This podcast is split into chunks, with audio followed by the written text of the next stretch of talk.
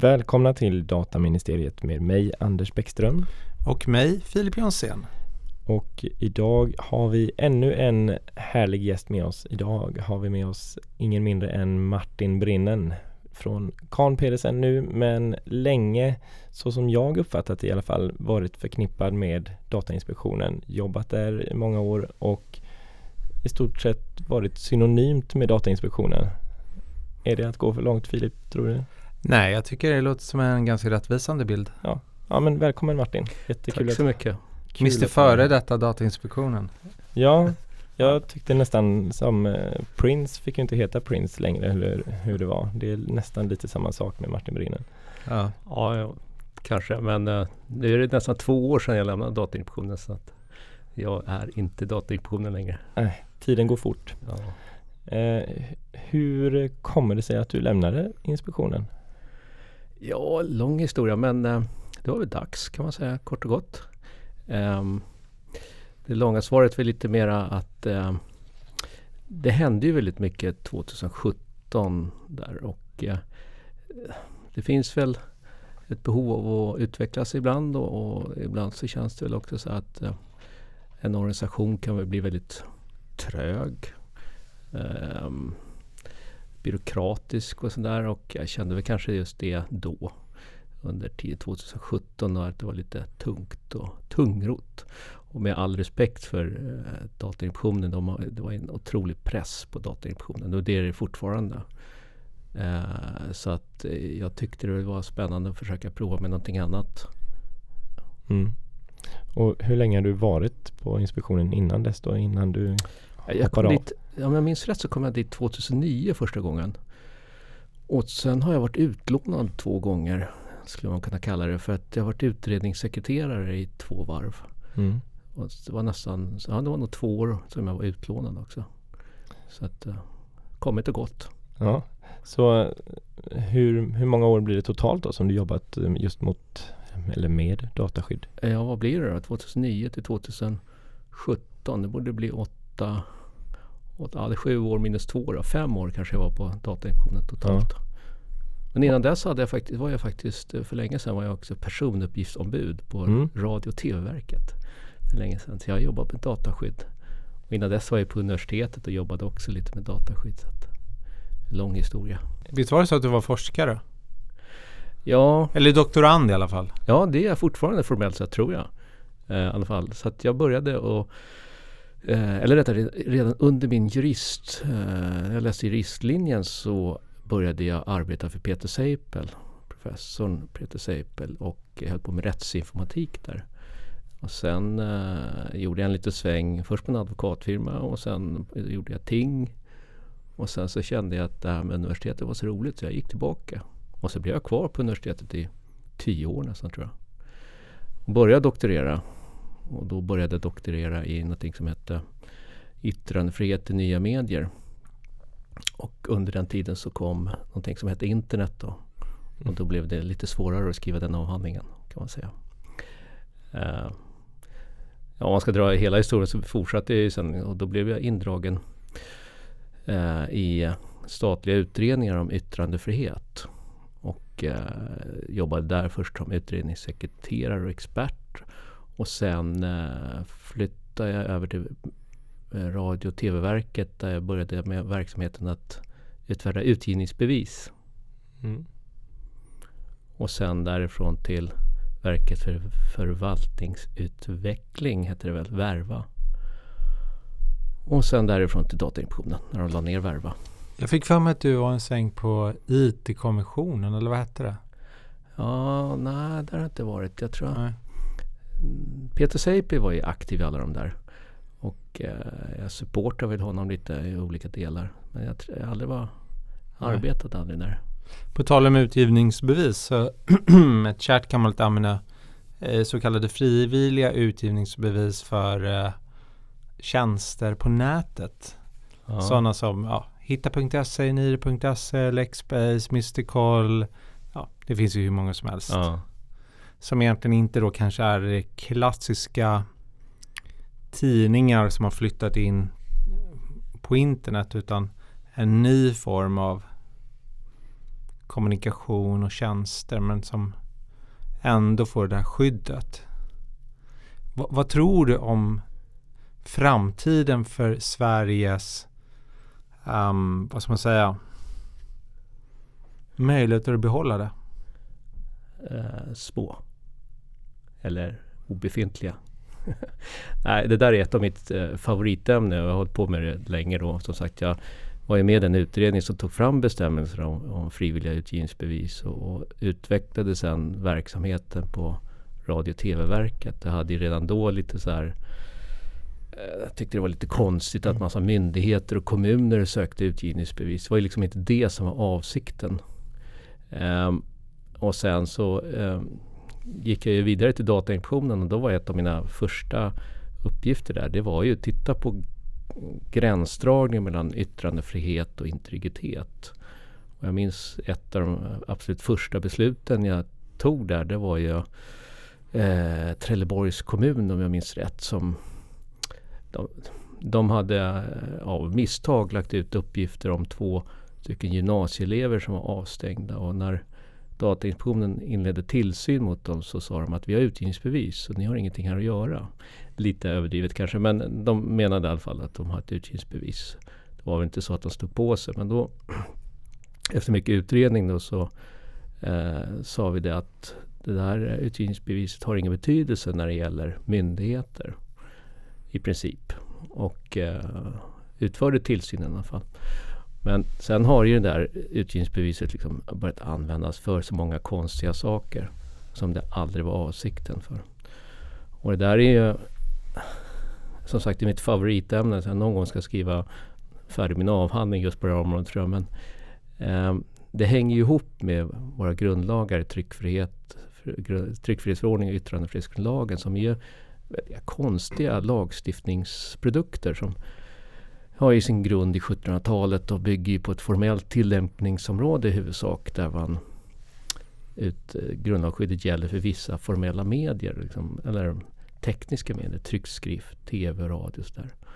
Och det där var ju också ämne för min doktorsavhandling som aldrig blev färdig. Och att liksom hur, hur ska man klara lagstiftning som är teknikberoende när, när de här tekniska begreppen liksom inte de, tapp, de är inte samma som de var för innan IT-teknologin kom igång. Uh, och det där, där är liksom grunden till utgivningsbevisen. Men tanken var ju nämligen att när man såg att det började komma andra medier än, än de här TV, radio och tryckskrift. Och rimligen borde ju alla medier som har samma spridningseffekt få samma grundlagsskydd. Det var ju liksom baktanken med eh, utgivningsbevisen. Och till att börja med var det automatiskt grundlag, utgivningsbevis, eller grundlagsskydd för eh, databaser som tillhandahölls av de som redan hade grundlagsskydd. Alltså Expressen, Aftonbladets webbplatser. Men så tyckte man att det där var ju orättvist. Att inte andra kunde få samma grundlagsskydd. Och då kom idén med frivilliga utgivningsbevis. Så det var liksom tanken att skydda massmedier. Och visst, det är ytterligare ett begrepp som inte riktigt har sin klara konturer idag heller. Då. Men sen så har ju man upptäckt att det där går ju att använda för att komma runt eh, integritetsskyddslagstiftningen. Och jag, jag tycker det är lite upprörande att man gör på det sättet eftersom det aldrig varit syftet. Och man kan ju fundera, det här är liksom, det gör det för att sätta åt sidan någons eh, rättigheter, fri och rättigheter. Och det är lite upprörande. Och sen då det, på anledning, med anledning av din fråga så kan man ju fråga sig om det här verkligen håller sig eller står sig mot EU-rätten. Eftersom integritetsskyddet har i sin bas i EU-rätten. Och min uppfattning är att det inte gör det. Men det har ju varit uppe i, jag kommer inte ihåg vilken av alla dessa utredningar det var som jag satt med massmedie eller mediegrundlagsutredning eller om det var yttrandefrihetskommittén, kommer jag inte ihåg. Och man kom ju fram till att det här är väldigt svårt att avgöra och att det i slutändan kanske handlar om en politisk inställning från Sverige. Och hur mycket vill vi värna våra grundlagar? Men nu såg jag att den nya yttrandefrihetsutredningen som har kommit, de har ju fått ett tilläggsdirektiv. Där de ska ta upp den här lexbase-frågan igen. Då. Eh, och det är ett av de kanske tydligaste exemplen där man har utgivningsbeviset har vad ska jag säga, missbrukats. Säga. Eh, och eh, det var på gång. I den yttrandefrihetskommittén som jag satt med i så var det ett förslag på gång att man skulle göra ett undantag i grundlagarna för de som tillhandahöll eh, kommer inte ihåg exakta formulering, men större databaser med känsliga personuppgifter eller uppgifter om lagöverträdelse. Men där var ju på väg upp i eh, riksdagen och om jag minns rätt nu så lades ju en propp på det. Men inför förra valet så blev det plötsligt en ändring. Om jag minns rätt så var det de borgerliga partierna som ändrade sig. Och så tog man bort det där undantaget när det gäller uppgifter om lagöverträdelser. Och det gjorde ju att sådana tjänster som Lexbase kan fortsätta och använda sina utgivningsbevis. Och jag tror inte det där håller. Om man ska tänka sig om det skulle bli en prövning mot EU-rätten. Men eh, det återstår ju att se. Naturligtvis är, har det en betydelse att det där ligger i svenska grundlagar. Men det är svårt att motivera varför sådana register som är som Lexbase och flera andra tjänster ska jag säga, det är inte bara Lexbase. Um, varför de ska ha ett grundlagsskydd som helt åsidosätter integritetsskyddet. Det är märkligt. Om jag, och sen bara för att avsluta den här. Det, det är rätt fascinerande i ett rättsfall som Satakunna Som är ett rättsfall som har vandrat upp först i EU-domstolen och sen så har den gått tillbaka till finska domstolar och eh, nu, sen så gick den upp till Europadomstolen. Och eh, man ska hoppa över all, alla historier hur den kom dit sådär. Men det intressanta är att Europadomstolen i sitt dom säger att det här är en fråga Eh, om jag minns rätt nu så är det så att de säger att EU-domstolen gjorde rätt. Eh, eller finska domstolen gjorde rätt när de sa att publicering av sådana större databaser med kreditupplysningsuppgifter eh, kan vara eh, journalistiskt ändamål, sa EU-domstolen. Och finska domstolen sa att i det här fallet så gör vi bedömningen att det inte är det. Eh, vilket då hade fått att de hade, hade yttrandefriheten gått före integritetsskyddet. Men i den domen, Europadomstolens dom, så skriver de avslutningsvis att det här är, här har finska domstolarna och Finland gjort eh, ett konstitutionellt val Eh, där man har satt yttrandefriheten relativt starkt. Eller rättare sagt offentlighetsprincipen har de även i Finland gett ett väldigt starkt skydd för. Det vill säga att man kan hämta ut väldigt stora mängder av uppgifter från myndigheterna, precis som i Sverige. Eh, och det man, kan man göra enligt Europadomstolen då i den här margin of appreciation. Alltså varje medlemsstat eller konventionsstat har ju liksom en manöverutrymme där man kan bestämma lite och göra avvikelser på nationell nivå.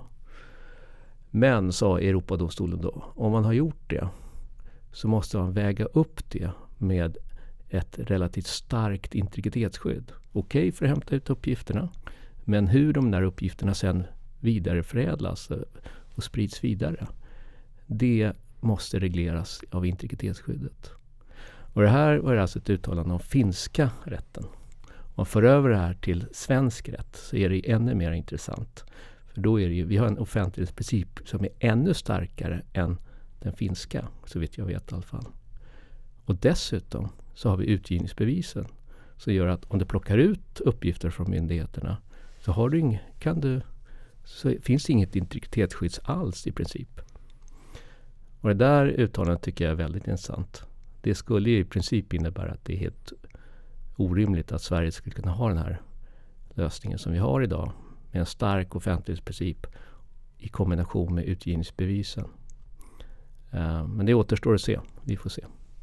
Så, men så vitt jag vet så finns det inget någon enskild som har valsat hela vägen inom Sverige och sen vänt sig till Europadomstolen uh, och hävdat att Sverige har en lagstiftning som kränker deras rättigheter. Mm. I den här aspekten såklart. Det är mm. många som har vänt sig dit annars. Men mm. Man skulle kunna tänka sig att en person då som förekommer på någon av de här sidorna um, och anser nej den här är så, den typen av utgivningsbevis där man har missbrukat det, där staten egentligen borde ha gett mig lagstiftning som skyddar mig Mm. men inte har fått det. För det är väl det de säger. Ja, det borde finnas ett sånt skydd i Sverige. Så att... eh, Det, det, det är en aspekt som man har pratat med många som kommer flytta hit från andra länder. mm, De får ju nästan en chock. mm, Både av offentlighetsprincipen som du säger. mm, Ett. Att man kan ringa upp till Skatteverket eller Transportstyrelsen mm, med mera och få reda på i princip allt om en person. Kopplat, som, precis som du också säger, att det är inte bara det att jag som enskild kan ringa upp myndigheterna utan jag kan bara googla fram det. Ja, precis. Ja, det, det är verkligen någonting som sticker i ögonen där. Och visst ska man säga om man eh, ska vara lite höja eh, blicken något. Så visst, det är väldigt viktiga intressen som står på spel för svensk del här. Offentlighetsprincipen är ju verkligen ett fundament i våra grundlagar. Och den är oerhört viktig, tror jag, för hela samhället. Och absolut, den ska värnas och ge företräde i många delar tror jag. Men jag undrar om det inte är så att den, man undergräver den om den börjar användas på ett sätt som inte var tänkt. Om man låter den alltid ha företräde. Jag tror att det är just det här som Europadomstolen sa, att man behöver nog kombinera det här.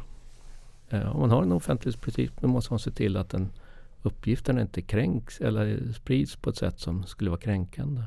Har man inte i viss mån redan i dataskyddsförordningen också funderat på de här frågorna när man säger att det finns undantag för journalistiska ändamål? Mm. För att, eller som jag uppfattar det i alla fall, de som vi pratar om nu kan inte gömma sig eller liksom tillämpa den undantagsbestämmelsen också. Eller kan man inte dra de parallellerna? Ja, men den intressanta frågan skulle ju vara så här, om vi i dagsläget skulle avskaffa utgivningsbevisen så här, eller låt säga Eh, jag har ju haft diskussioner med sådana som har utgivningsbevis och liksom vad ger man för råd och självklart, det är inte deras fel så att säga att det, det finns den här möjligheten och självklart har man ett utgivningsbevis ska man självklart argumentera för att det gäller. Men samtidigt så tycker jag man ska ställa sig den andra frågan. Vad händer om utgivningsbeviset faller då, och inte det eh, anses gälla? Ja, det, det kanske inte är så svårt att komma igenom att få det tillåtet i alla fall. Jag tänkte, då har du dels det du säger, journalistiskt undantag enligt dataskyddsförordningen. Och det är rätt omfattande och jag tror i vissa delar är det undantaget till och med mer omfattande än de svenska grundlagarna. Så att jag tror inte det, i många fall tror jag att det skulle kunna få det förenligt med dataskyddsförordningen i alla fall. Och många av de här tjänsterna eh, som oss på nätet, om, om man undantar dem, kanske de rena brottsregistren, tycker jag det är ju eh, absolut viktiga tjänster. Så att eh, man kan verkligen hitta ett berättigat ändamål där. Ja, annars får vi väl sådana tjocka telefonkataloger vid tröskeln igen. En gång om Ja, året. visst. jag kommer ihåg att jag, jag prövade ju faktiskt eh, det journalistiska ändamålet för ungefär 10-8 år sedan i Arbogamålet. Ja, Om ni kommer ihåg det när det var en som la ut hela förundersökningen på Piratbukten. Pirate det. Bay. mm. Och eh, det tyckte jag var ganska intressant så därför vände jag mig till Datainspektionen och sa att det här tog det vara i strid med personuppgiftslagen och jag fick faktiskt ett beslut om att det inte var det för att Datainspektionen i det ärendet ansåg att det var journalistiskt syfte som var bakomliggande. just jag minns det där. Och var det du som låg bakom det alltså? Ja, det var jag som låg bakom. jag, eh, var, jag tror inte jag var på Datainspektionen då, men jag minns att man pratade om det beslutet. Och det, det leder ju eh, samtalet till ett annat område som är rätt intressant, eh, nämligen kränkningar på nätet. Och det du säger där, det var ju väldigt aktuellt då för att Datainspektionen jobbade rätt aktivt mot internetkränkningar. Och det här var ju jättelänge sedan. Eh, och det var nog innan där eh, diskussionen, debatten kom igång med hat på nätet. Och, eh, jag minns att eh, dåvarande generaldirektören Göran Gräslund, han, han resonerade ungefär så att eh, det, det är ingen annan som bryr sig om det här på nätet. Så, och eftersom Datainspektionen har möjlighet att göra det så bör Datainspektionen göra det. Så han, och jag minns att han nämnde att de andra tillsynsmyndigheterna tyckte i princip att det här ska inte Datainspektionen eller tillsynsmyndigheterna hålla på med. Men han menar att det här är, det är ingen annan som gör det. Någon måste ta tag i det här. Och det jobbade vi rätt aktivt med. Eh, och då var det sån där Alltså det fanns ju så otroligt mycket kränkningar. Så det var ju, Datainspektionen kunde ju bara ingripa i väldigt fåtal tillfällen. Men det där Arboga-fallet var ju ett exempel. Ett väldigt hemskt exempel måste jag säga. Det var ju bara en pytteliten utvikning. Ja. Så sa ju Datainspektionen också ett principiellt ställningstagande i en annan fråga i samma ärende. Nämligen personuppgifter kring avlidna personer. Ja. Och det sa de ju att, för det var ju två barn tyvärr där som hade dött och att deras uppgifter kunde vara upp personuppgifter om mamman som fortfarande mm. levde. Så det var ju också ett principiellt viktigt ställningstagande. Det var det. Ja, det var ju bra att du drev fram det då. ja, tack. Men, Men annars ska... tänkte jag nästa, mm. en, en, annan kränkningsärende var ju, som var väldigt hemskt, det är ju det i Göteborg såklart. När, okay. eh, vad hette det, det kallas som speciellt, Instagram ja, eller Just det. När det blev en mobb där i en skola. Mm. Oj, det händer så mycket så man glömmer nästan bort alla de där ärendena. Men jag, nu när du säger det minns jag det där. Men det, det principiellt viktigaste som jag minns från Datainspektionens arbete med internetkränkningar det var det som kallas för Daddys blogg. Eh, det var, man hade ju en inställning att Datainspektionen ska inte ingripa i, liksom, om det inte är något riktigt allvarligt. Och dessutom så var det så här internetkränkningar så hade Datainspektionen inte så mycket möjligheter att göra någonting. Liksom. Eh, utan man, och det var oftast privatpersoner. Vilket gör det lite konstigt att en myndighet liksom går in och klankar ner på en privatperson, vad en privatperson skriver på nätet. Då. Men Daddys blogg, där var det alltså två personer som var skilda tror jag, låg i vårdnadstvist om barnen. Och eh, pappan blev eh, misstänkt och åtalad för sexuellt utnyttjande av sitt eget barn. Och eh, de här föräldrarna hade varsin blogg tror jag och de skrev väldigt elakt om varandra båda två. Men, och det fick anmälningar om jag minns rätt nu båda, åt båda hållen. Och Datainspektionen sa då bara nej men det här tar vi inte upp. Det liksom, ni får bråka hur mycket ni vill tänkte med varandra. Men sen så var det nog så att om jag minns rätt nu återigen här så är det så att mamman la ut eh, und, förundersökningsprotokollet där det framgick då hur polisen hade intervjuat det här stackars barnet och framgick i liksom detalj hur barnet påstod att pappan hade utnyttjat. Och då tyckte vår generaldirektör då, Göran Gräslund att nu har det, det där har gått för långt. Men samtidigt var det så att datumkunden kunde, inte göra så mycket. Nu svarar i och för sig de här eh, personerna precis som de ska göra som personuppgiftsansvariga där. Men det blev så att, eh, som i många andra här kränkningsfall, att man gjorde en polisanmälan. Och den här, eh, om det var pappan som la ut jag minns faktiskt inte riktigt, det var nog pappan som la ut det där för att visa sin oskuld. Där. Eh, och då, eh, att han var oskyldig menar jag. Eh, och då eh, blev han fälld sen i tingsrätten för brott mot personuppgiftslagen. Och det är lite intressant. För jag minns när dataskyddsförordningen kom och kompletterande eh, svenska lagstiftningen så hade man tagit bort straffsanktionen. Och jag tyckte jag var lite dumt egentligen för att eh, man menade att ja, det finns ju alltid möjligheten att utfärda sanktionsavgift och det är tillräckligt. Men sanktionsavgift förutsätter ju att det finns någon personuppgift som svarar när Datainspektionen skickar ett tillsynsskrivelse. Eh, I många fall i de här kränkningsfallen så kommer det knappast svara Datainspektionen. Och då kommer det inte finnas en möjlighet att göra polisanmälan. Å andra sidan så är ofta sådana där kränkningar nu numera straffbara av andra skäl. Då. Jag tänkte att vi skulle hoppa in på en annan fråga också. Där jag noterade via LinkedIn där jag hittar väldigt mycket information om dagarna. Eh, men en, artikel du hade skrivit där om manuell behandling. Mm. Eh, och eh, ja, vad kom du fram till egentligen där? Jag tänkte om du bara kunde sammanfatta mm. lite grann. Ja, jag skulle säga att min nya roll har gjort att jag har mycket större möjligheter att börja skriva och, och jag gillar ju verkligen att kunna ta en fråga som engagerar mig och nörda ner sig lite ordentligt. Och det har jag gjort nu några tillfällen här och ett av dem var när jag skrev den här artikeln om manuell behandling. Och det var ju med anledning av eh, EU-domstolens dom med Jehovas vittnen. Och eh, den domen handlar ju om Jehovas vittnen i Finland, återigen Finland där, eh, där Eh, medlemmarna i Jehovas vittne var ute och eh, predikade och ringde på dörrar. Och för att, eh, jag tror att det är ett sunt syfte, så förde de anteckningar när de var ute och, och ringde på. Och bland annat antecknade de om, om, om man inte ville, få, ville ha besök av Jehovas vittnen igen. Och det här gjorde man delvis på order från församlingen. Och församlingen gav också ut lite instruktioner för hur man skulle göra med anteckningarna. Men det var ju också bland annat om hur den här personen var jag kan tänka mig i alla fall att man skrev den här personen skulle man kunna tänka sig går att övertyga i ett senare besök. Där. Så det var ju känsliga uppgifter naturligtvis. Och då kom EU-domstolen fram till att det här var ju bara fört på papper i och för sig.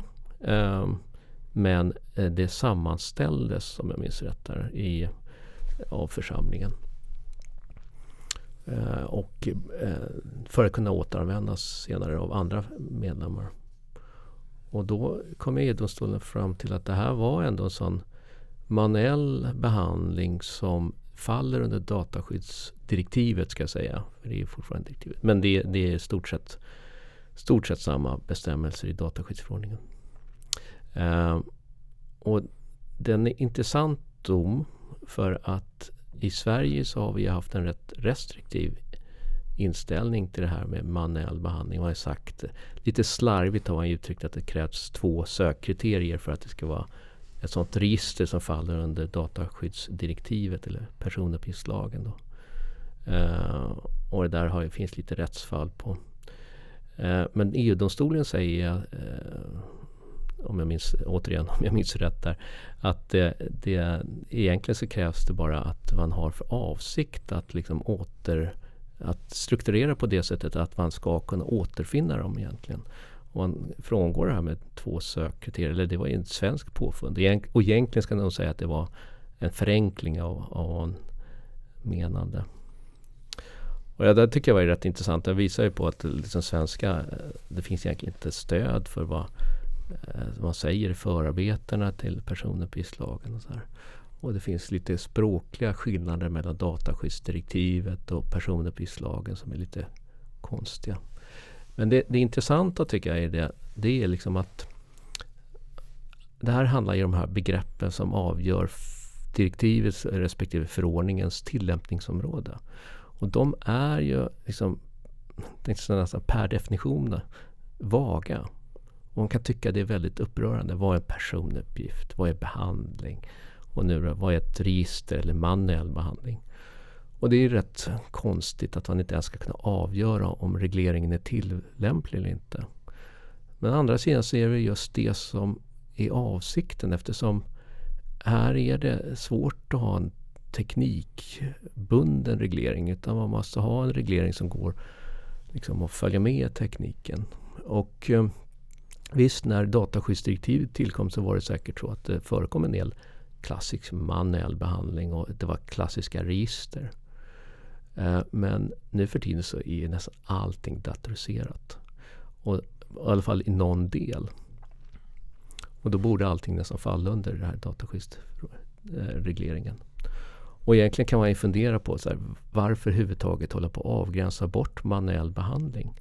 Eh, skulle, om man tänker sig att jag vänder mig till eh, ett företag och säger att ni kränker min integritet när ni behandlar uppgifterna. Och så säger jag, eh, ja det kanske vi gör men eh, det är på papper så du har ingen rätt där. Det är inget bra liksom, motargument. Sådär. Och egentligen så borde väl också alla organisationer ha en helhetssyn på hur man behandlar personuppgifter oavsett om det är på papper eller muntligen eller hur som helst. Egentligen. Och jag tycker man kan se lite i, i, i domstolens dom här att de vill vidga det här integritetsskyddet. Eh, så egentligen ska man fråga sig varför det är avgränsat till automatiserad behandling. Det, är liksom, ja. det här är lite naturligtvis eh, obiter dikta som det brukar heta. Eh, det, det är inte direkt man kan utläsa det av EU-domstolens dom. Men om man liksom för resonemanget vidare så kan man ju fundera på mm, varför inte ha en integritetsskyddslagstiftning som gäller all typ av personuppgiftsbehandling? Det var ungefär slutsatsen i min, mina funderingar när jag skrev mm. den här artikeln. Andra begrepp har du också varit inne på. Jag vet att du har skrivit en uh, artikel eller snarare ett memorandum om personuppgiftsansvarig. Ja, just det. Vad det är för någonting och hur man avgör det. Ja. Och um, för att ett av de genomgående temana här i dataministeriet är att jag ofta tar upp att jag själv har väldigt svårt att förstå begreppen. Ja. Och därför borrar mig så djupt ner så att, som jag någonsin kan. Ja. Och eh, då, då, sitter jag här med facit, uh, skrivit många olika artiklar. Så vem är personuppgiftsansvarig? Ja, vem är det ja? Eh, nej men det är också ett så begrepp som man eh, som alla sliter med. Och, och, alla har olika jag ska inte säga alla olika definitioner men det, det, finns ju liksom gråzoner där man har lite svårt att avgöra det här. Och jag eh, gjorde ju på min nya arbetsplats, advokatfirman Kahn Pedersen, så gjorde vi på uppdrag av Svensk Näringsliv en, en guide för hur man skulle göra, avgöra det här. Och då satte jag mig ner och eh, tittade på vad allt som har skrivit på det här området och försökte strukturera upp det. Och man ser ju att det, liksom, eh, det spretar. All väglinje på det här området det spretar åt olika håll. Det går inte att hitta någon riktigt röd tråd sådär. Eh, så jag, till att börja med så tänkte jag att det, det är viktigt att få någon liksom, struktur på hur man ska resonera. Så här. Och det, det viktiga där tycker jag, och det tycker jag i många fall när man ska titta på dataskyddsförordningen, det är att först börja med liksom, vad är det för behandling du ska bedöma. För det är många, och jag själv inkluderad ibland, att man slarvar med det. Man hoppar direkt till sakfrågan och så börjar man komma på efter ett tag. Så här, men herregud, det här var ju, vad är det för behandling? Vad är det för ändamål? Och vilka uppgifter är det man håller på med egentligen? Så det där är liksom steg ett. Du måste kartlägga behandlingen. Först därefter kan du börja diskutera personuppgiftsansvaret. Och när man kom till den då, del två, det var ju liksom att jaha, hur fastställer man personuppgiftsansvaret? Ja, då, då samlar jag på mig vad, vad man har sagt på det här och, och tittar på olika kriterier som har förts fram. Eh, för att liksom inte säga att det här kriteriet är allenarådande. utan här finns det flera eh, om du hittar det här, stämmer det här att det är någon som bestämmer väldigt tydligt eh, ändamålet med behandlingen, ja då är det rimligen att det är någon som är personuppgiftsansvarig. Men att det finns inte som sagt en enda eller några få kriterier som är helt avgörande. Utan man måste söka sig fram. Och eh, jag tror att samma här är precis som begreppen med tillämpningsområdet. Att man måste titta på eh, regleringens syften och framförallt att det är ett eh, rättighetsreglering. Och läser man EU-domstolens domar så är det ju nästan i varenda dom kommer domstolen fram till att man måste snegla liksom på regleringens ändamål. Och det handlar om att skydda den registrerade.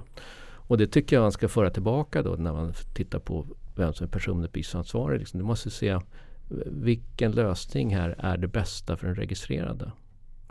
Eh, är det, ja, det måste ju vara någon personuppgiftsansvarig som faktiskt kan utöva sitt ansvar. Någon som inte kan utöva sitt ansvar eh, kan ju inte heller ge något skydd för den registrerade. Eh, så det där, och det måste vara tydligt också för den registrerade vem som är personuppgiftsansvarig. Så det, det är väl kanske två bästa tipsen tror jag i den där. Eh, och sen ska jag säga, det en tredje del i den där eh, vägledningen var också att när du väl har kommit fram till hur personuppgiftsansvaret ska fördelas så måste man ju vara väldigt noga med att dokumentera det och reglera förhållandet mellan alla aktörer. Oavsett vad du kommer fram till. Om det är så att du anser att det är ett biträde du lämnar ut det. Eller om det är gemensamt personuppgiftsansvar. Eller om det är utlämnande till PUA till PUA som det brukar kallas. Så alla de situationerna är oerhört viktigt att man reglerar. Och då kommer in för att Karl Peder skrev, det kan ha varit innan du började där, också ett memo om gemensamt personuppgiftsansvar. Väldigt långt memo för en liten fråga. Mm. Um, och vi har ju sett i praxis nu på, ja i år, att eh, EU-domstolen har ansett olika situationer utgöra gemensamt personuppgiftsansvar. Är det någon trend? Ja, jag tror det. Och eh, jag tycker det är en bra trend. Eh, återigen om man liksom tar ett steg tillbaka och höjer blicken så kan man ju fundera på varför har man de här begreppen överhuvudtaget? Eh, det handlar om att fördela ansvaret och se till att den registrerade får det skyddet som de har rätt till enligt förordningen. Om man tittar tillbaka då när de här eh, begreppen tillkom så har jag för mig att den tillkom redan i Europarådets datakonvention. Va? 108 eller? Ja, just det, 108 ja. Eh, och att det, på den tiden så var ju liksom ett biträde var ju en, en serverhall eller liknande. Det var ju rätt klart, då var det inte så svårt att avgöra vad ett biträde är. Men sen med tiden så har ju den där biträdesrollen blivit bredare och bredare. Och man kan fråga sig, är det verkligen lämpligt att eh, biträdet ska vara så mycket annat än den här serverhallen ungefär? Jag vet inte, men det var i alla fall en tanke som har slagit mig att det kanske är bättre liksom att renodla biträdesrollen och i många andra situationer kan, är det kanske lämpligare att komma fram till ett gemensamt personuppgiftsansvar. Men jag vet ju också att många företag är inte särskilt pigga på ett gemensamt personuppgiftsansvar. Och det bygger naturligtvis på att man då får bära ett gemensamt eh, skadeståndsansvar eller solidariskt eh, skadeståndsansvar. Och det kanske inte är så roligt. Men om man läser de här E-domstolens domar så känns det som att trots att du har ett gemensamt personuppgiftsansvar så kan man ju fördela det ansvaret mellan alla aktörer som ingår i gemensamma personuppgiftsansvaret. Och det kanske är det som är det bästa, att man faktiskt trycker på att det ska finnas en tydlig reglering. Eh, och huruvida det är en utlämnande mellan två personuppgiftsansvariga eller gemensamt personuppgiftsansvar, ja det kanske har mindre betydelse.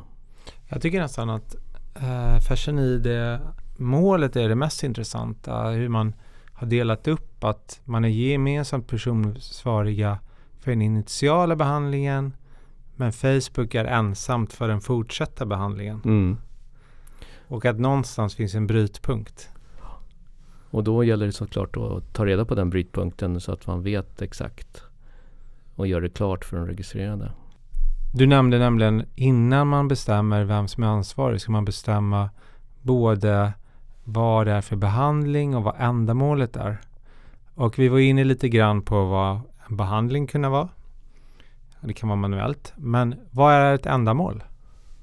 Ja, vi går snart igenom alla konstiga begrepp i hela dataskyddsförordningen. Ändamål är naturligtvis jättesvårt att avgöra. Um, det ska ju vara vad det står i dataskyddsförordningen. Det ska vara specifikt. Va? Särskilt, uh, jag har aldrig det där i huvudet, men uh, det ska ju vara relativt noggrant beskrivet. Då. Eh, jag brukar säga att ju, ju, mer känsligare behandling du håller på med desto viktigare är det att du specificerar ändamålet. Eh, och det finns ju otaliga exempel på hur man har rätt slarvig med ändamålsbeskrivningen. Eh, förbättra tjänsten är väl kanske det absolut det vanligaste exemplet tycker jag. Men sen kan man alltid fundera på hur man beskriver det där. Det finns det de som delar in det liksom i kallar det för olika saker. Man kallar det kanske för område där det är liksom, ja, vi håller på med HR-ändamål och under det så har vi olika ändamål. Betala ut lön. Eh, och eh, under ändamålen så har man kanske behandlingsåtgärder som att vi eh, skickar dina personuppgifter till banken för att banken ska kunna betala ut din lön och sådär.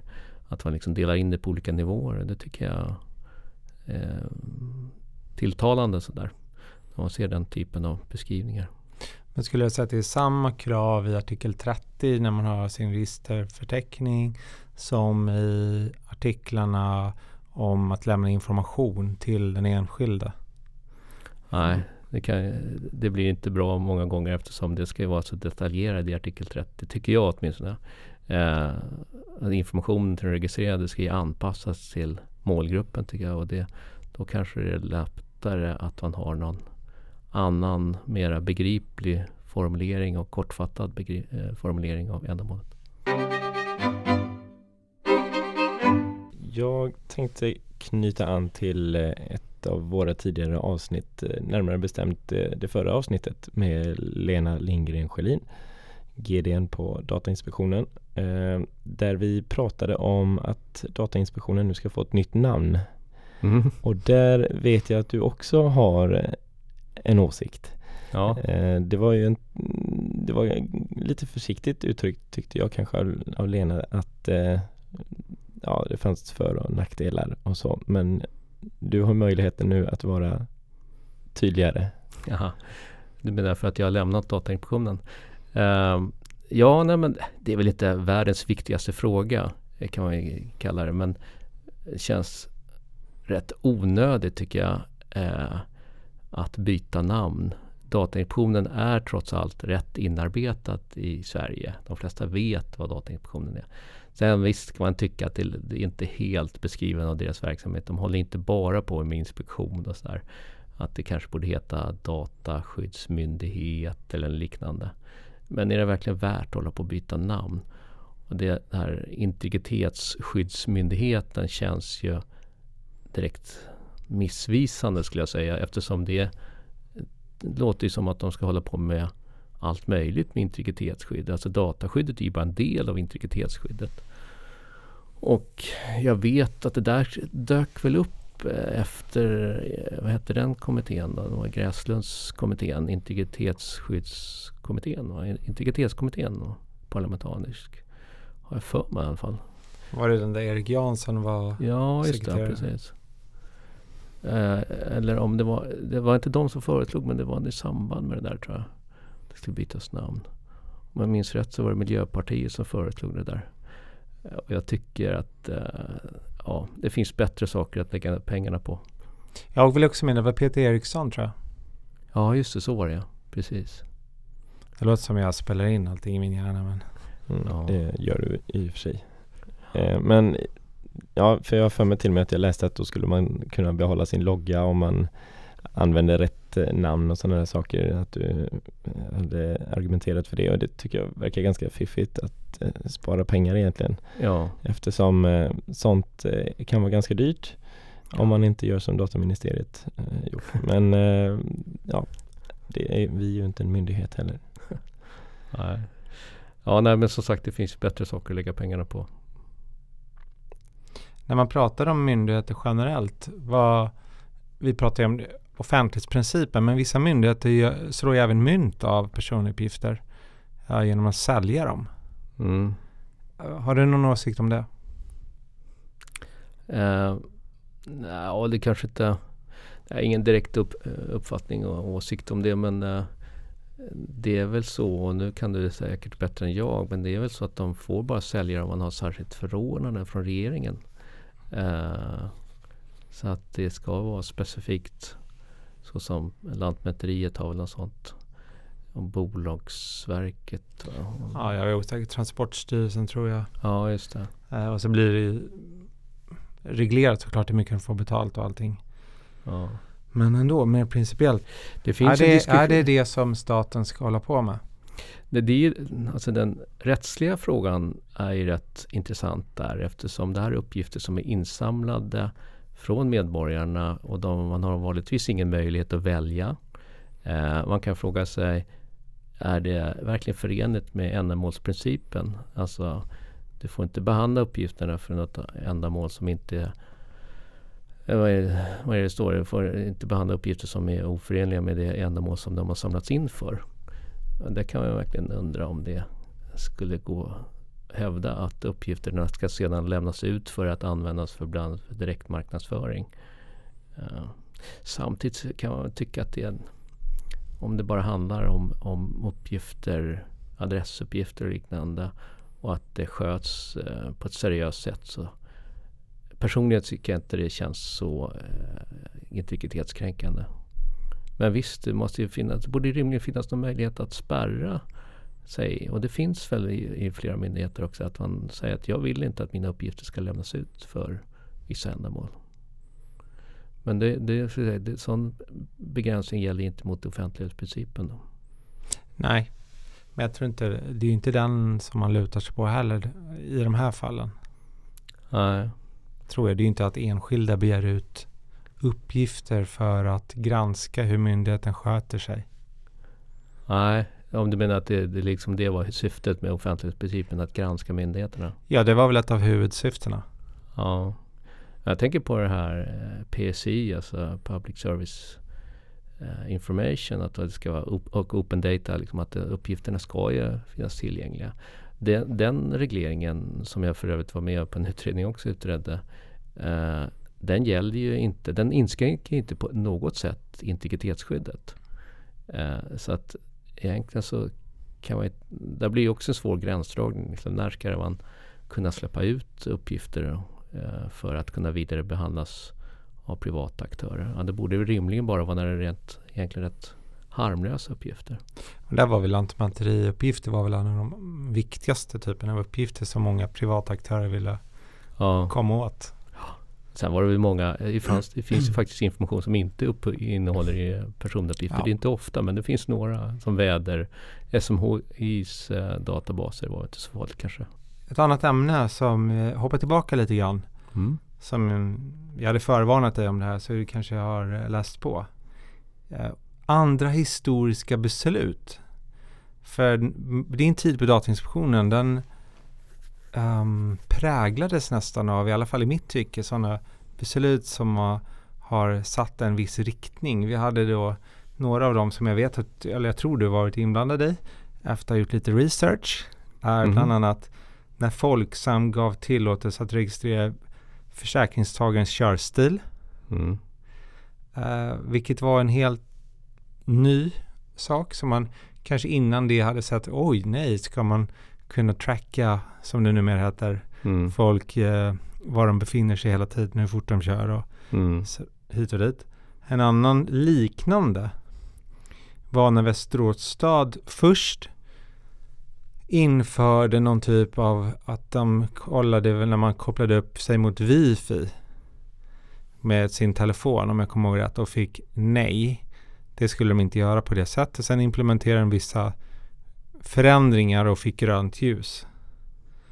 Um, är det fler sådana här principiella avgöranden som jag missat? Var det med till exempel och gav fotbollsklubbar tillåtelse att registrera uppgifter om brott? Ja det gjorde jag nog men du verkar ha bättre koll på det än vad jag, jag, själv har på den där. Jag vet inte, har du samlat ihop mina personuppgifter på något sätt här? Nej, bara i huvudet. Ja okej. Okay. Men där, där drar jag ändå gränsen att det tror jag, det är bara Torbjörn Ternsjö som anser att det kanske ska omfattas av, av ja, okay. allas eh, tillgänglighet. Ja, nej. Mm. nej men eh, jag skulle säga att eh, med anledning hur du inledde frågan, många spännande eh, beslut och så här. Alltså, fördelen med Datainspektionen att få jobba där, det är liksom att man jobbar tillsammans med 50, ja nu är de ännu fler, 50 stycken riktiga dataskyddsnördar och man kan diskutera dataskydd med massor av människor, spännande människor. Och det, det, och det är verkligen eh, bra miljö på det sättet. Det nog, liksom, jag måste nog säga det finns nog ingen annan eh, arbetsplats du kan du ha så många dataskyddsnördar samlade på samma ställe. Och, och då att få de här spännande besluten och få tillsynsärenden. Det var jätteroligt att verkligen få gräva ner sig här och eh, diskutera de här frågorna. Och eh, de här, eh, det stämmer att jag hade de här ärendena som du nämnde. De här fotbollsklubbarna kommer jag inte ihåg särskilt mycket. Det var väl undantag för eh, förbudet att behandla uppgifter om lagöverträdelse om jag minns rätt. Va? Man skulle ha en förteckning över de som hade fått sån här avstängning som inte fick komma in på stadion. Det som populärt kallas typ huliganregister. Just det, så var det ja. Precis. Eh, däremot så fanns ju många andra beslut som var verkligen sådana man fick eh, gå ner och tänka ordentligt i, eh, på frågorna. Och eh, det där i Västerås stad var ju väldigt spännande. Eh, det höll vi på länge med. Det är det som kallas för wifi tracking. Och, eh, började komma för rätt många år sedan och då var det liksom tveksamt. Ska det här verkligen omfattas av dataskyddsförordningen? Och, eh, vi tänkte väldigt mycket på det där minns jag och eh, vi pratade med Post och telestyrelsen för är det där någonting som omfattas av, av LEK? För det man gjorde där, det var, och det är jättevanligt numera, det var ju att man helt enkelt satte upp helt vanliga routrar i, i Västerås citykärna. Eh, och alla eh, mobiltelefoner, alla nät, allting som är trådlöst uppkopplat, de skickar iväg så kallade MAC-adresser som är unikt nummer. Och eh, de som satte upp det här, Västerås stad och det företaget som, har, som hade den här lösningen, de eh, var inte alls intresserade av den enskilda personen.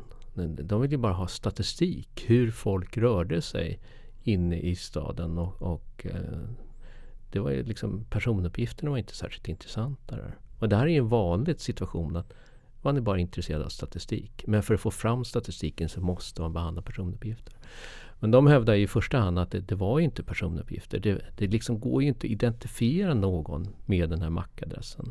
Och då kommer man in på den här otroligt intressanta diskussionen. Vad är en personuppgift?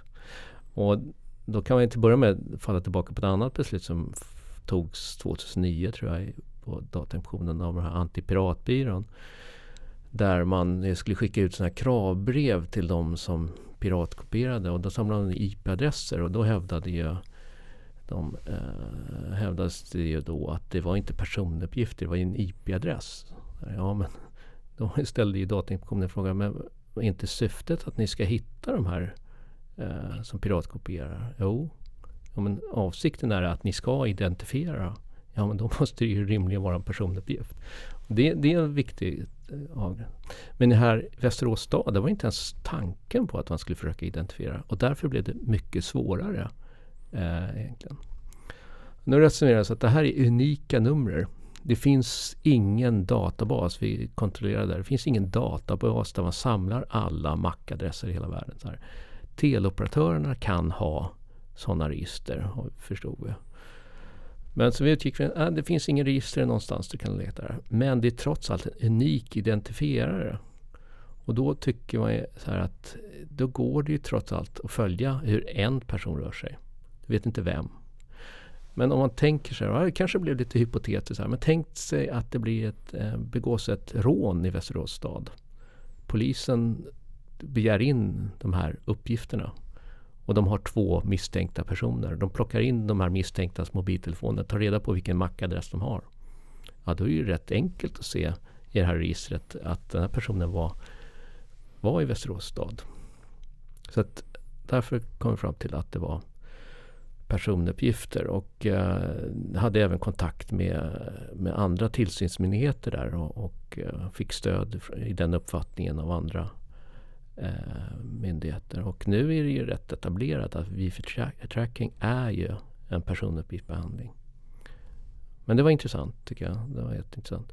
Andra intressanta beslut eh, eh var ju bland annat Google-ärendet, alltså rätten att bli glömd som höll på i många år och hade tillsynen. Eh, det var ju Alltså det var ju många nya frågor där. Eh, och på tal om bara en sak som är lite rolig, så här, men, eller rolig och intressant också när det gäller personuppgiftsbegreppet där. Det var ju att en person som hade gått till Google och sagt att jag vill bli glömd. Jag vill att ni tar bort mitt sök. Att inte jag visas i sökresultaten när man söker mitt namn. Eh, och han sa att eh, han hade ett udda namn. Jag tror det var typ så här 15-20 personer i Sverige som hade det namnet. Men när man sökte på hans namn så det första som dök upp det var att en, man, en person med hans namn hade blivit dömd för ett väldigt känt eh, mord eh, i Sverige. Och han säger det här förstör mitt liv. Jag, jag, varje gång jag söker jobb så hittar jag arbetsgivaren här. Det kommer först på sökträffen. Därför vill jag att den här sökträffen tas bort. Men han, är, han sa ju det uppenbart. Det här är inte en, eh, inte en uppgift av mig egentligen. Det är någon som har samma namn som mig. Det är, också, är det verkligen en personuppgift om honom då? Och då i svenska personuppgiftslagen så stod det, återigen om jag kommer ihåg rätt här då, eh, uppgift som går att hänföra till en fysisk person. Och jag menar, heter man Anders Andersson så är det såklart att den uppgiften går att hänföra till alla som heter Anders Andersson. Men tittar man i dataskyddsdirektivet så stod det att en person som går identifiera, identifierbar. Tror jag. Identifierad eller identifierbar. Och det här hade man liksom ändrat när man införde dataskyddsdirektivet i Sverige. Och det, när man liksom tolkar PUL utifrån dataskyddsdirektivet kom fram att nej tyvärr, det här är inte en personuppgift till dig. Du, du har ingen rätt att begära eh, att bli glömd i det här fallet. Så att, ja, och sen var det i det Google-ärendet var det mängder med intressanta rättsfrågor. Eh, och det tyvärr så Den stora frågan var ju om man ska ha rätt att bli glömd i hela världen eller bara i Sverige eller inom EU. Och det där är en otroligt svår fråga. Eh, jag tyckte att vi kom fram till en väldigt bra lösning i Datainspektionens beslut. Eh, den här frågan avgjordes ju bara för några veckor sedan i EU-domstolen i, i eh, Knill. Att den franska Datainspektionen hade ju sagt att har man rätt att bli glömd enligt dataskyddsdirektivet så ska det gälla hela världen. Google får inte visa den här sökträffen i något annat land heller. Och det får ju väldigt drastiska konsekvenser. Liksom att, eh, man liksom censurerar ju hela internet eh, på grund av europeisk dataskyddslagstiftning. Så det, det, tycker jag var att gå lite längre än vad man behövde. Men däremot så tycker jag att man faktiskt, som vi kom fram till, att om det finns en sån anknytning till Sverige, eh, till det andra landet, så är det rätt rimligt att, att eh, Google behöver ta bort det även i, i kanske i ett land där man har levt tidigare, har många vänner och sådär. Särskilt idag när liksom ungdomarna har vänner över hela världen. Och det är inte så mycket värt om man tar bort en sökträff bara inom Sverige. Och då menar vi, kom vi fram till att det här är prövning man måste göra i varje enskilt fall. Och det överklagades ju av Google och de vann i förvaltningsrätten eh, i den här principfrågan. Och de, eh, Datainspektionen fick ju inte prövningstillstånd i kammarrätten och om jag minns rätt nu så överklagar de det beslutet till Högsta förvaltningsdomstolen. Högsta förvaltningsdomstolen sa nej till prövningstillstånd. Och sen så kom eh, dom, EU-domstolens dom i det här. Men det, det är viktigt att se i EU-domstolens dom att läser man vad som stod på nätet efter EU-domstolens dom så stod man att EU-domstolen säger nej till global täckning av rätten att bli glömd. Men läser man den riktigt noga så står det faktiskt att avslutningsvis att det finns situationer där, där man faktiskt kan kräva eh, att rätten att bli glömd får en vidare omfattning än bara inom EU. Så det gäller att läsa domstolarna domar väldigt noga tycker jag.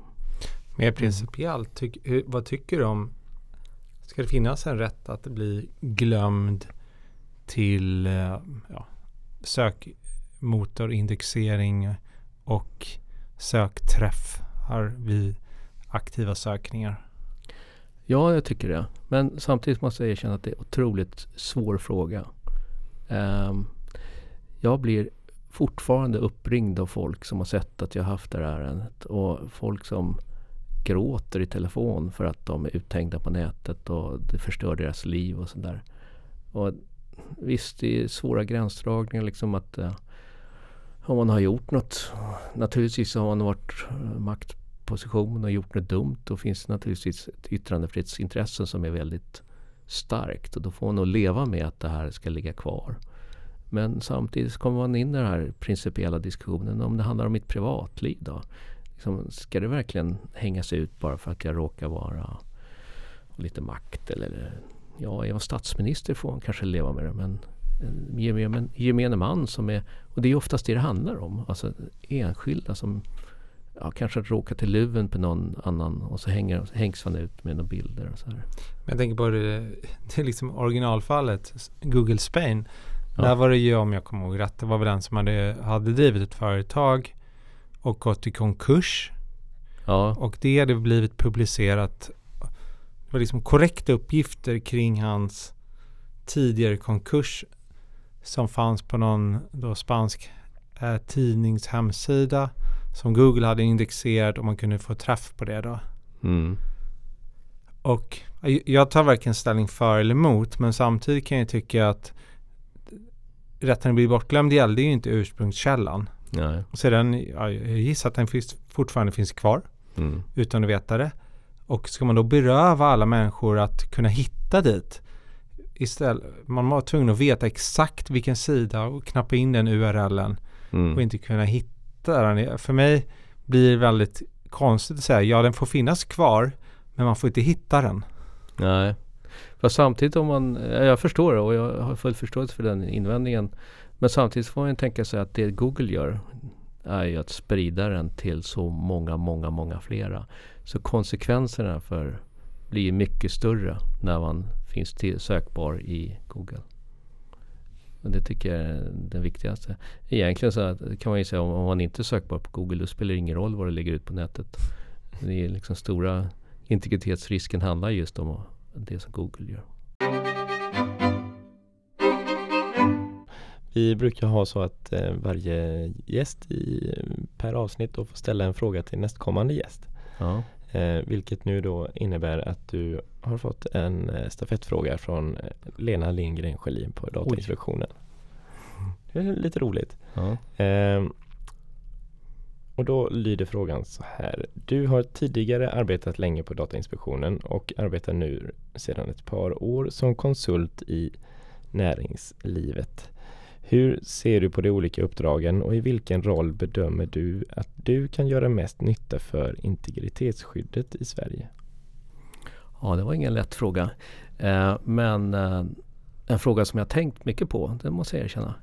Och jag, jag skulle nog vilja börja med det att, eh, som jag var inne på förut, att Datainspektionen är väldigt spännande arbetsplats. Så jag har alltså, man kan vara sur på dem ibland och tycka att de borde göra mycket mera och de ger inga svar och liknande sådär. Men samtidigt har jag rätt stor respekt för dem. De har enorma utmaningar. Och jag är väldigt imponerad av de många unga jurister de har anställt där. Så jag tycker all respekt för Datainspektionen. Eh, när man lämnar Datainspektionen, vilket de har ju haft rätt stor personalomsättning och jag följde med där eh, och lämnade ju väldigt många. Och jag tror att det var Göran Gräslund som sa det här någon gång eh, att när folk lämnar, det är, det är bra för då finns ju några välutbildade dataskyddsexperter eh, som sprider de här reglerna i eh, samhället. Eh, och det är väl lite så man kan se det. Samtidigt ska jag säga när man lämnar myndigheten så får man lite ett annat perspektiv eh, och helt nya utmaningar. Helt plötsligt eh, sitter du eh, många gånger ensam. Nu ska jag säga att jag har otroligt duktiga medarbetare på Con Pedersen som är extremt duktiga på dataskydd också. Men du sitter oftast eh, rätt, du har inte alls samma uppbackning som du har på myndigheten. Du har kanske en bråkdel av den tiden du har när du ska svara på när du sitter på Datainspektionen och ska svara på en fråga. Och det du svarar kan ha väldigt stor betydelse för företaget. Samtidigt ser man också det här problemet att hela dataskyddsregleringen bygger på bara bedömningar. Och det finns väldigt lite vägledning. Och Datainspektionen kan inte och gör inte heller liksom, svarar inte på frågor i enskilda fallet. De kan inte göra det och även om de skulle göra det så kan man fråga sig vad det har betydelse. Så det är en jättejobbig sits att vara konsult. Eh, det är pressande men samtidigt är det också roligare ska jag säga. Det är mycket snabbare puckar. Du är mycket mer verklighetsbaserat. Liksom. Du blir mer insatt i, i eh, hur det funkar utanför dataskyddsregleringens hårda kärna, ska man säga. Eh, och om man ska komma tillbaka till hennes fråga så var det hur kan jag bäst göra, jobba med dataskyddet? Då? Ja, jag tror att eh, det bästa är att eh, jag har min, liksom, jag känner mig rätt trygg i dataskyddsregleringen. Jag kan den hyfsat bra även om jag många gånger känner mig eh, att det är svåra frågor. Så känner jag att eh, jag gör mest nytta att försöka realisera det här i verkligheten och få det en rimliga lösningar och fakt som går faktiskt att eh, liksom väga mot andra intressen. Det är, visst, integritetsskyddet är oerhört viktigt men det är inte det enda intresset. Och Datainspektionens uppgift är att sätta integritetsskyddet i första hand. Om inte de gör det, så vem skulle i sådana fall göra det? Men just det här att kombinera integritetsskyddet med praktiska lösningar, det är väl kanske det jag hoppas jag kunna göra bästa insatserna med. Mm. Långt svar på kort fråga. Ja, men Ett mycket bra svar. Mycket bra svar ja. Stort tack Martin för att du tog dig tid att komma och gästa oss här i Dataministeriet. Tack, tack. Och tack alla ni också som har lyssnat och fortsätter att lyssna. Ha det gott. Hej då! Hej då.